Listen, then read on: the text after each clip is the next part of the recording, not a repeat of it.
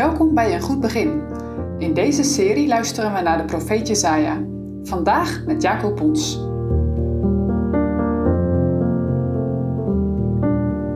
Vandaag gaat het over God regeert, de vernedering door Assyrië.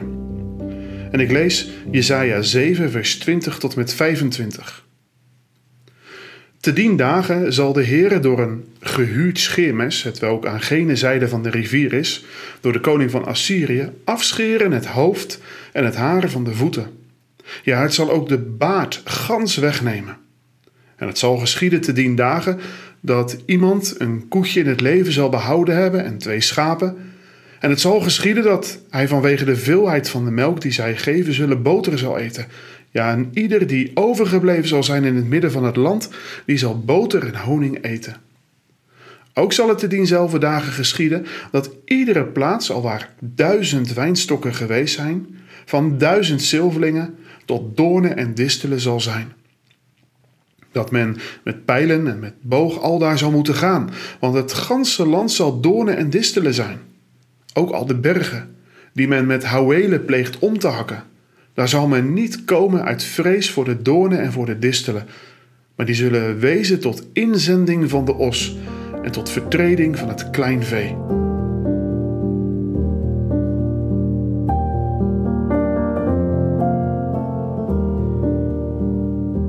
Midden in de duisternis klonk er een hoopvolle boodschap.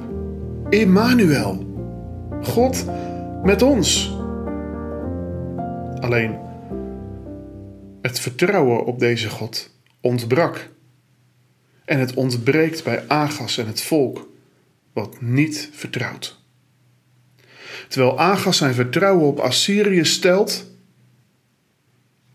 zal het volk van Assyrië zich tegen Agas keren. Agas denkt dat hij een vriend heeft, maar ten diepste zijn het geen vrienden. Zijn eigen vrienden zullen zich tegen hem keren en uiteindelijk zijn volk onderdrukken. Assyrië wordt hier vergeleken met een scheermes. Ik weet niet of dat je wel eens een barbier aan het werk hebt gezien. Die gebruikt een loeischerp mes. En dat mes dat haalt hij, hij langs elk haartje wat hij ziet. En met een paar handige bewegingen is er al snel geen haartje meer te zien.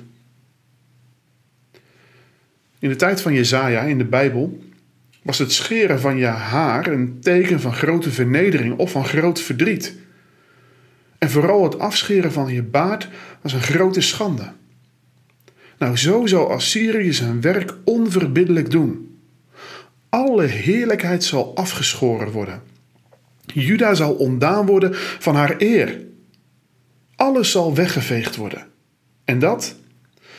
Dat door een koning, door een volk waar ze eerst op vertrouwden en waar ze vrienden mee dachten te zijn.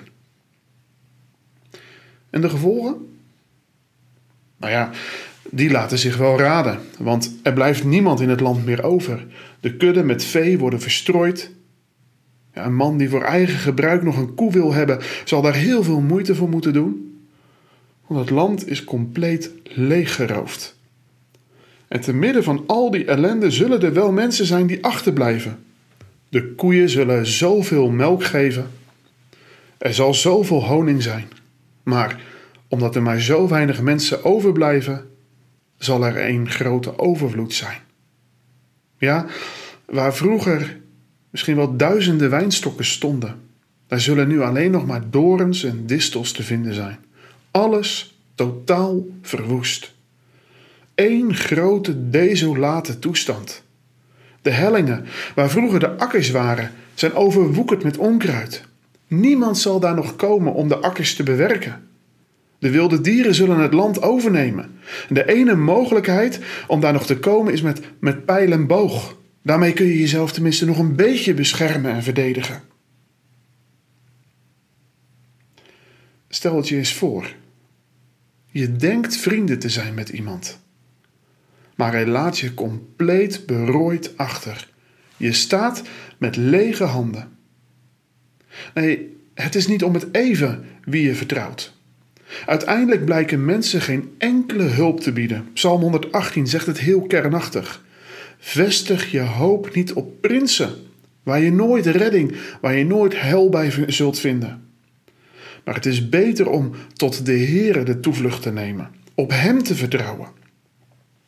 Want, zegt Psalm 118 ook, Hij is mij tot hulp en sterkte. Hij is mijn lied. Hij is mijn psalmgezang.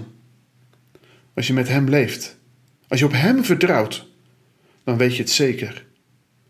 Ik zal door vijands zwaard niet sterven, maar ik zal leven en ik zal de werken van de Heere vertellen. Wie zijn jouw vrienden? Kun je hen voor 100% vertrouwen en kun je met hen praten over de Heere, over zijn woord en over zijn dienst?